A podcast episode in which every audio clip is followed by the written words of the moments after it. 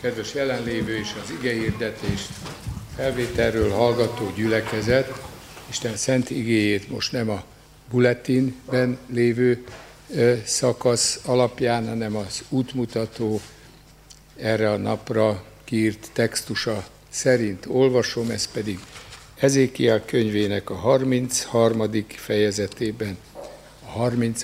verstől a 33. versig terjedő szakasz, felállva hallgassuk ezt az igét. És te embernek fia,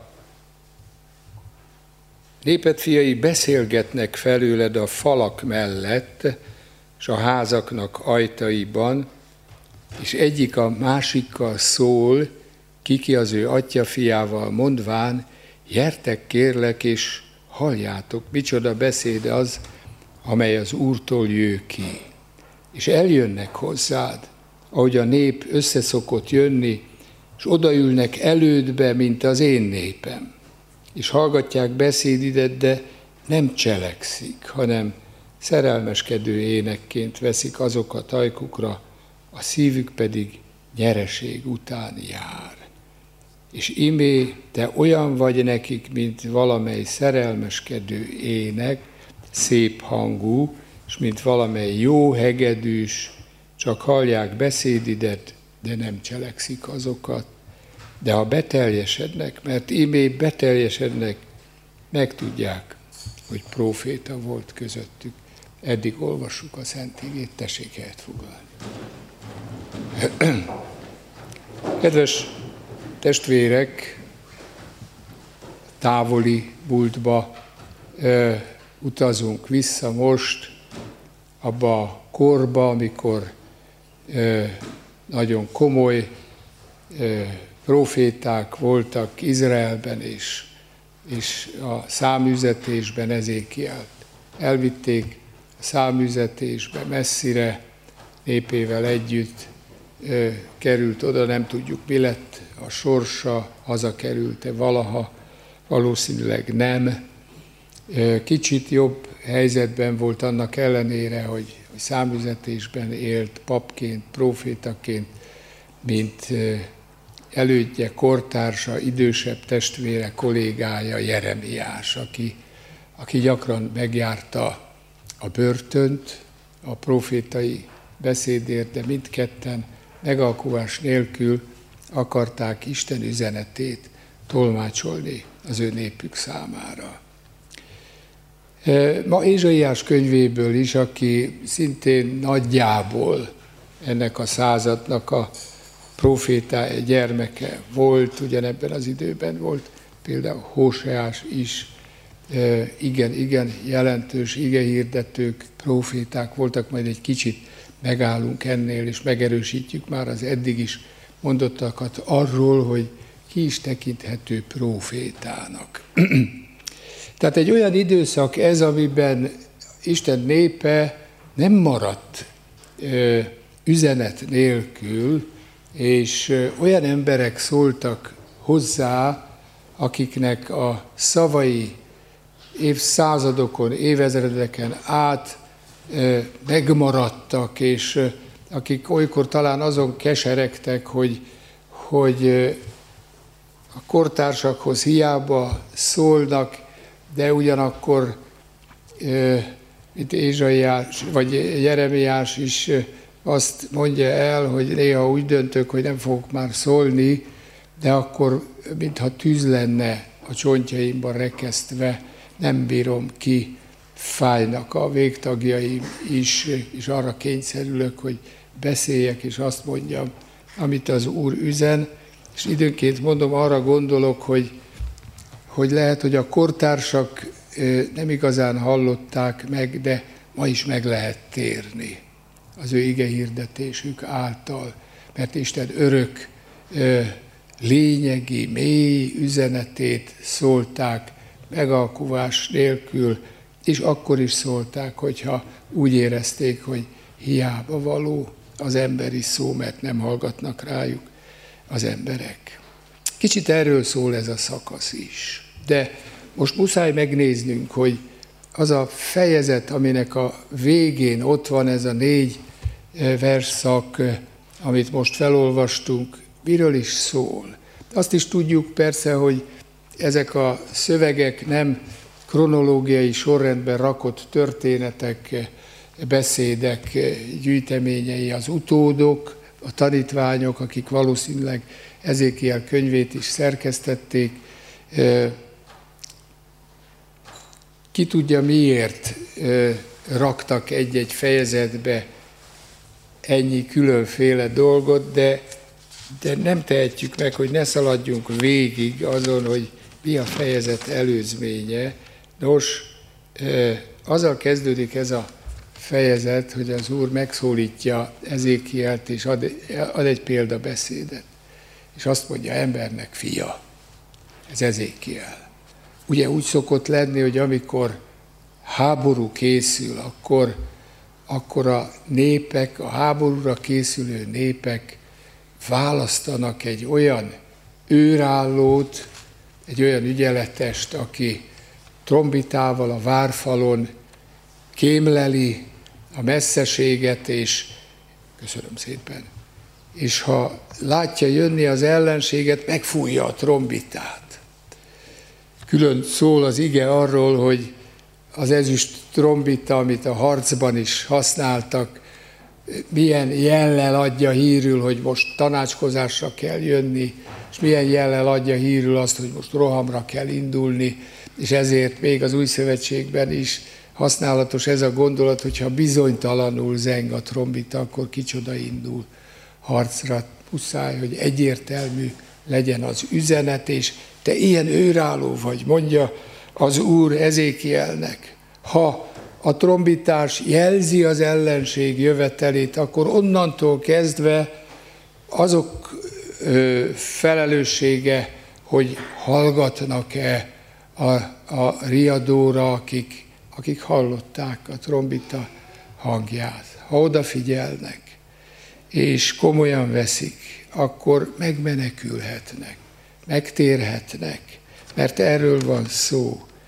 Ha a az őrálló nem fújja meg a trombitát. Lehet, hogy akkor is, ugyanakkor, ugyanúgy a bűneik miatt halnak meg, a bűneik miatt halnak meg akkor is, ha szólt a riadó, és akkor is, ha nem szólt, de Isten az ő vérüket az ügyeletesnek, az őrállónak a kezéből kéri számon.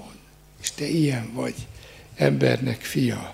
Ha hallod az én szavamat, fújd meg a kürtöt, akár figyelni akarnak rá, akár nem. Aztán a következő szakasz ebben a fejezetben megint ezt a gondolatot másik oldalról közelítve azt mondja, hogy én nem akarom, hogy az emberek elvesszenek.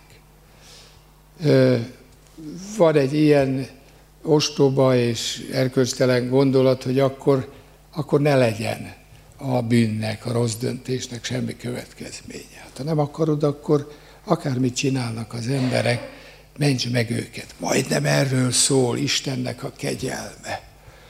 Igen, erről is, hogy, hogy Isten akkor is kiárasztja ránk az ő irgalmasságát és kegyelmét, ha, ha nem látta a jó útra térésnek a jeleit. Vagyis Isten kegyelme megelőzi az embernek a döntését. Nem azért van üdvösségünk, mert szorgalmasan napról napra megpróbálunk jót tenni. Nem arról van szó, hogy az hibás döntés.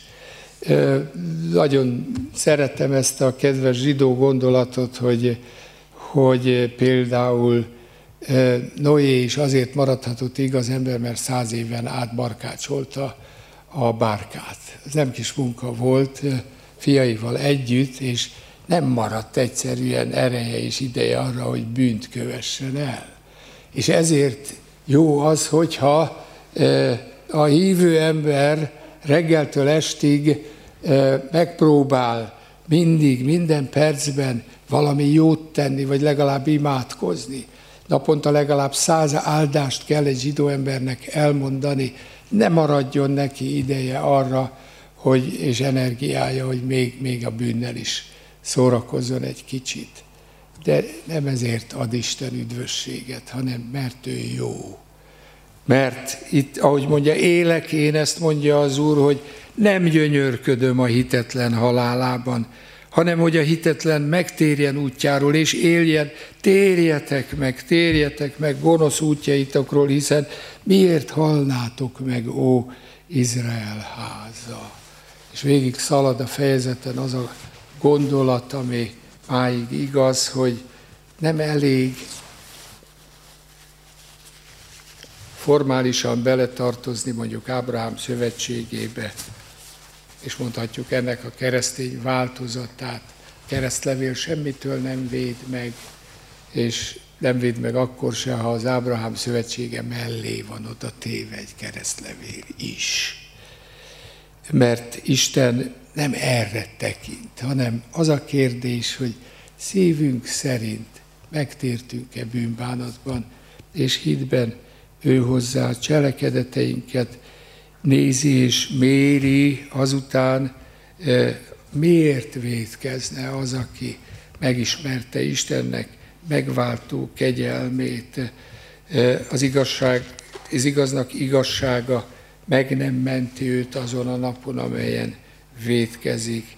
Tehát ne reménykedjünk kiválasztottságunkba, hogyha erkölcstelen, bűnös életet élünk, és ennek a a keresztény változata is igaz, ha az Úr kiválasztott, ugye Calvin gondolata ez is, ez Istennek joga van, és Calvinnak abban igaza van, hogy Istennek ehhez mindenképpen joga van, de szélsőséges és elfogadhatatlan gondolat, hogy e kiválasztó, megváltó kegyelem felment bennünket a, a, a, a a cselekedetek Istenhez való igazítása alól. Csak tudjuk azt, hogy az üdvösségünk ingyen, kegyelemből, hitáltal van. És miért védkeznénk? Miért védkeznénk akkor innentől kezdve az Úr ellen? És itt egy kicsit akkor részletezi is a proféta, hogy ez azt jelenti, hogy a zálogot visszaadja, a rablottat megtéríti, az életnek parancsolataiban jár, többé nem cselekedvén gonoszságot, akkor élvén él és nem hal meg.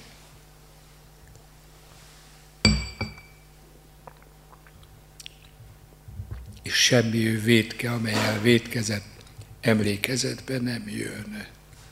És akkor itt elindul erről egy eh, vita, egy párbeszéd, hogy vajon igazságos-e az Úr. Vajon rendben van-e ez? Jónás, hasonlóan kortárs. Jónás proféta, ugyanebben az időben nagyjából Hóseásnak, a Ézsaiásnak és kortársa, Jeremiásnak. Az ő dilemmája is ez, hogy vajon Isten igazságos-e, hogy a kegyelem, amely diadalmaskodik a, a a törvény igazsága felett is megengedhető-e? És Isten azt üzeni, hogy igen, megengedhető nekem, én vagyok a bíró. Nincs fölöttem Istenek tanácsa. És igen, élek én, ezt mondja az Úr, hogy nem gyönyörködöm a hitetlen halálában, és nem akarom, hogy a törvény, a, a jog diadalmaskodjék, hanem hogy az élet megmaradjon, hogy üdvözüljünk, hogy a tékozló fiú hazataláljon az ő atyához. És akkor ekközben, miközben erről folyik a vita, jön egy zaklatott, feldult, elcsigázott ember a hírrel, hogy elesett Jeruzsálem mert Jeruzsálem egy darabig tartotta még magát a, a babiloni fogságra vitel után. E, sokan reménykedtek, hogy hamar vége lesz ennek az időszaknak, és mehetünk vissza, és helyreállíthatunk mindent. És jön egy hírnök, hogy elesett Jeruzsálem, lerombolták a várost, és hogy arról beszélnek ott az emberek, ekközben is még folytatva az előbb említett vitát, hogy amikor Isten megígérte ezt a helyet Ábrahámnak. Emlékszünk, amikor Lót választja Sodomát és Gomorát, akkor azt mondja az Úr Ábrahámnak, emelt fel a szemed, néz keletre, nyugatra, északra, délre, ahol leszel, az mind a tied. Otthon leszel ott. És akkor erről folyik a vita, hogy Ábrahám egyedül volt, és megígérte neki az Úr ezt a helyet. Mi sokan vagyunk. Akkor, akkor mi nem számítunk annyit sem, mint az egy Ábrahám. E, akkor miért kérhetnénk zárójelbe számon, zárójelbe zárva Istentől azt, hogy, hogy mintha elfeledkezne erről az ígéretről. Hát vajon ha véreset esztek, szemeiteket a bálványokra emelitek, vért ontotok, a földet örökségül kapnátok? Kérdezi az Úr. Fegyveretekben bíztatok, utálatosságot cselekedtetek, és így tovább. E, akkor ki igazságtalan ebben a, a helyzetben, és beszél a paráznaságról is, annak ember és ember közt megnyilvánuló formájáról is, és ez mindjárt fontos is lesz a mi szakaszunk szempontjából is, és arról a paráznaságról, amit egy nép követhet el, amikor felmondja az uralkut kötött szövetségét, hogy jól érezze magát abban a gazdasági közösségben, abban a politikai környezetben, amiben van, és jól járjon, kompromisszumokat köt, ezt paráznaságnak nevezi az Úr. És ezek után szólítja meg újra az örökké való a profétát. Úgy lehet felosztani Ezékiel proféta könyvét, hogy az előző két szakasz, az előző 32 fejezet az Izrael bűneinek az ostorozása és a környező népek megítélése. Egy nagy évű ö, ö, ö, előadás, feddőbeszéd, és utána jön most az a profétai szakasz, ami majd az új Jeruzsálem víziójával végződik, és azt kell mondani, hogy ez a 30 harmadik fejezettől a 48. fejezetig terjedő szakasz, most gyorsan puskázok, mert hirtelen meginoktam, hogy 48, igen, 48 fejezetből áll Ezékiel könyve. Ez a könyv végéig terjedő szakasz az a fajta profétai szöveg, amelyben a profétának az az oldala mutatkozik meg, aki az igazi proféciát mondja, hogy mi az, arról mindjárt beszélünk majd, de hogy ez az a bátorító, vigasztaló, aktualizált isteni üzenet, amely nem a, a jelennek a realista felmérése, és nem a jövőnek az előrelátása, hanem a, a történelmi események és az eddig eltelt idő és isteni üzenetek összefoglalása és, és, és, és személyeket megszólító formája. Mit akar az Isten ezen keresztül neked üzenni? Miről szól az evangélium, mondom egy kicsit későbbi kifejezéssel.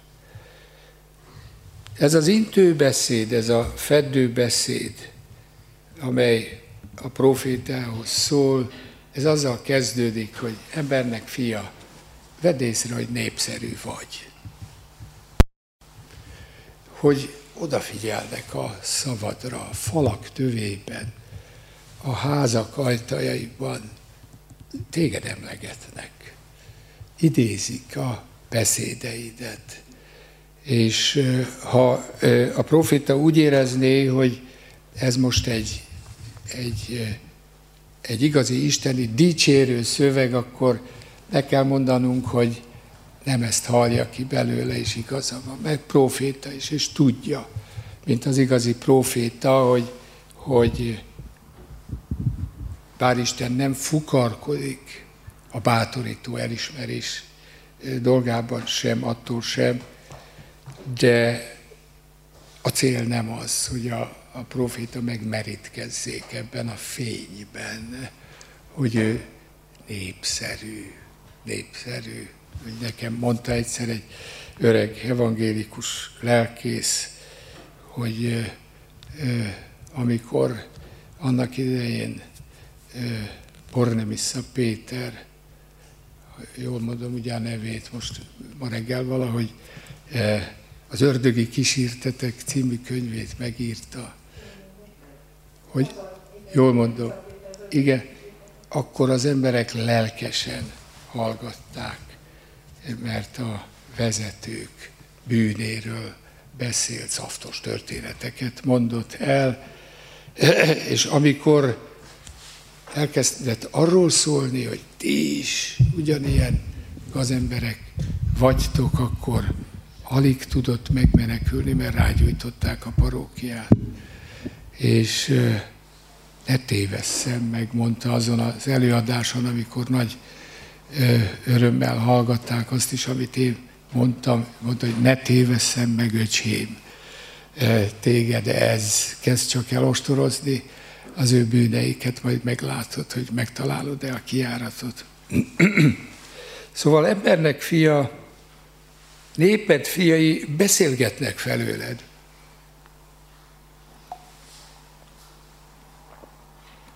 De és elemzik, micsoda beszéd ez, amely az Úrtól jön ki. És ilyen repülő egyetem, ilyen házi ö, ö, szeminárium az, ami zajlik, nem tudom, valaki 70-es évek végén részt vette ezeken a parkettán ülve égő szemű lányok és fiúk hallgatták, amint előadást tartottak a nagyok nekik szovjetológiáról és mindenféle egyéb dolgokról. Engem is meghívtak ott, és a Miért nem szabadok a Magyarországi Szabad Egyházak címmel tartottam e, egy előadás sorozatot, aminek az lett az eredménye, hogy amikor elismerték 81-ben a Magyarországi Evangéliumi Testvérközösséget, akkor az egyházügyi hivatal kijelentette, hogy én nem lehetek ennek az egyháznak a lelkésze, és pedig éppen, éppen ezért az előadásért. És de hát Tibor bácsi, az egyház akkori elnöke azt mondta, hogy akkor nem gondolták komolyan az elismerést, ha én nem lehetek lelkésze ennek az egyháznak, akkor, akkor a többiek sem akarnak egy új egyház lelkészei lennek, lenni.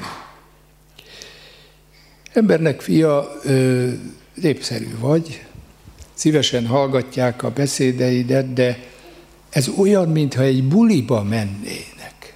Ez a szerelmeskedő ének, amiről itt szó van, szó szerint erotikus tartalmú énekeket jelent.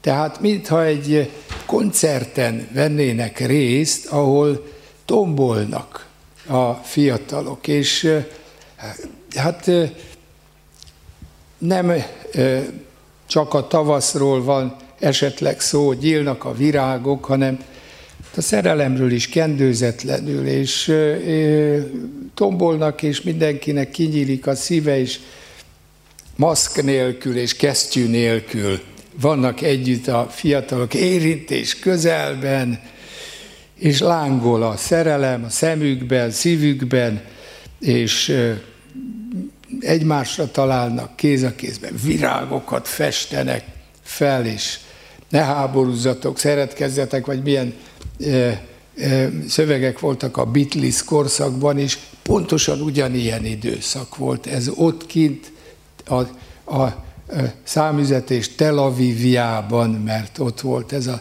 a Tavaszdomb e, nevű város, amiről a mostani Tel Aviv is vette a nevét. A Tavaszdombon lévő koncert ketten képzelik magukat, miközben te beszélsz, és szeretik a szövegeidet, de észrevetted el, hogy nem cselekszik. Mit is mond erről Jézus, hogy a hegyi beszédben, a hetedik részben, a záró szakasza ez a, ennek a tanításnak, hogy aki hallja ezeket a beszédeket és meg is cselekszi, azt hasonlítom a bölcs emberhez, aki a házát kősziklára építette, mert jött a szélvihar, jött az árvíz, és jók voltak az alapok, nem jártak úgy, mint mi, sajnos a könyvtárral, hogy valamiért az egyik ereszt csatorna be volt vezetve egy, egy, egy levegőztető aknába, és elázott a könyvtárnak egy jelentős része. Végünk van ettől, itt gyászoltuk ezt a hét végén. Hát aki cselekszi, aki komolyan veszi, aki meghallja az üzenetet, az az egészet nem ilyen szerelmeskedő ének ö, ö, hangulataként éli át, hanem azt ütköztethetjük az élet viharaival. Nem az a baj, hogy jön az árvíz és viharok vannak, hanem hogy nincs kősziklára építve a ház, és azt mondják, akik értenek ehhez, hogy, hogy Izraelnek a talaja alapvetően ilyen sziklás talaj, nem kell olyan nagyon sokat ásni, hogy elérjük ezt a sziklás felületet. Sajnos, sajnos elég, elég, elég alacsony földréteg van rajta, nehezen találnak a gyökerek utat maguknak, de abból a szempontból jó, hogy ahol veszi magát az építő, a kőműves és a leendő háztulajdonos veszi a fáradtságot, és leás, az oda ragaszthatja ehhez a szikla alaphoz a házát. Hát jó alapokra építsétek a proféták és az apostolok üzenetére, az ige üzenetére, az evangélium üzenetére alapítsátok a házatokat, cselekedjétek meg az Isten akaratát, és ne gondoljátok, hogy elég hallgatni. Ez volt keresztelő János üzenete is, aki nem kikeresztelni akarta zsidóságból, hanem bekeresztelni a zsidóságba, szív szerint is az ő népét, és ezt hirdette, hogy lehet, hogy körül vagytok metélve, de a szívetek körülmetéletlen, ha annak ellenére, hogy benne vagytok Ábrahám szövetségében, a bűnök útjain jártok, szívetek kívánságai után jártok. Olyan vagy nekik, mint valami szerelmeskedő ének, szép hangú, mint valami jó hegedűs, aki szerenádot ad, vagy jól pengeti a, a gitárját, és jól kezeli a mikrofont, a, amibe szívet megtöltő, megfacsaró, kiszínező dalokat énekel, és szeretik ezt, ezt hallgatni. De miért utólag kell majd rádöbbenniük arra, hogy proféta volt köztük, hogy nem egy jó slágerénekes volt, akit jó volt hallgatni. Embernek fia, te rájöttél-e, hogy profétának kell lenned? És nem így, hogy proféta voltál szívem, ugye, emlékszünk erre a szövegre is, de mit jelent profétának lenni? Profétának lenni nem azt jelenti, hogy, hogy Ezékiel mielőtt a futár megérkezne Jeruzsálemből, valaminő módon már érzi azt, hogy szörnyű dolog történt Jeruzsálemben. Igen, profétai attitűd az is, hogy, hogy össze tudjuk rakni a, az eseményeket, és azt tudjuk mondani, hogy ennek szörnyű vége lesz. Hogy akkor is, hogyha az egyházak, a hívő emberek azért imádkoznak, hogy ami felé most rohan az ország, az minél e, inkább maradjon meg, és Isten áldja meg azt, aki hajszolja az ország szekerét a szakadék felé, Isten őrizzen meg ettől, és nem kell ehhez profétának lenni, hogy ezt elmondjuk. És igen, talán szeretik hallani azt, hogy bátran kimerjük mondani, hogy ennek szörnyű vége lesz. De embernek fia, rájöttél-e arra, hogy neked alapvetően azt kell mondani, hogy térjetek meg emberek, mert az döntően fontosságú, hogy vajon hiszitek-e, tudjátok-e, hogy megbocsáttattak bűneitek, és hogy örök életetek van, és hogy egyedül hitáltal, kegyelemből van üdvösségetek. Kell-e ez az üzenet az embereknek? Mert ha ez ott van, ahogy a politikai életben, ha Gönc Árpád feleségéről volt szó, akkor hadd idézzem a férjét, aki azt mondta, hogy ott a börtönben is úgy érezték, hogy ők vannak a szabad világban, hogy ez a szabad oldal és a rács túloldalán vannak azok, akik, akik foglyok, mert, mert a szabadság belülről fakad. Így van, igaz ez. És ugyanígy a, az Isten országában lenni, és így szabadnak lenni, a bűntől szabadnak lenni. Ez akkor is akkor is áldás, és mindennél nagyobb áldás, ha most éppen Babilonban vagyunk, és sírva akasztjuk a hegedünket a fűzfákra, és, és hogyan tudnánk végdalokat énekelni, amikor Jeruzsálem romokban hever. De akkor is, ha belülről szabadok vagyunk, ha a mi országunk nem e világból való. E, akkor is Isten elérte a célját, hiszen idegenek és vándorok vagyunk itt, hiszen hazát keresünk. Nem az száz évvel ezelőtti e, e, történelmi bukás, feletti busongás, az, ami minősít bennünket, és közben nem minősít ugyanakkor a numerus claususnak a ugyancsak száz évvel ezelőtti bevezetése, ami szörnyűségek szörnyűségét teljesítette be az elmúlt évszázad legnagyobb borzalmát, talán a magyar történelem legnagyobb szörnyűségét is. De ennél többről van szó, embernek fia. Arról van szó, hogy szívetek szerint megtértetek-e az Úrhoz. Miért akkor fogják megtudni, hogy proféta volt köztük? Kicsit változtas a, az ige hirdetéseden. Lehet, hogy elfordulnak tőled, lehet, hogy úgy jársz, ahogy Jézus járt,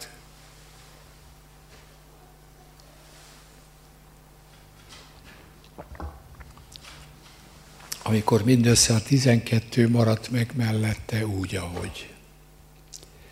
És elkezdték mondogatni az emberek, hogy kemény beszéd ez, nem tudjuk tovább hallgatni. Sok bajom van nekem is azzal, hogy vajon azt mondom-e nektek, amit Isten akar üzenni, hogy tudom-e teljes szívvel, elkötelezettséggel hirdetni azt, amit az Úr akar mondani. Azt, hogy térjetek meg ő hozzá szívetek szerint, és hogy ez a fontos.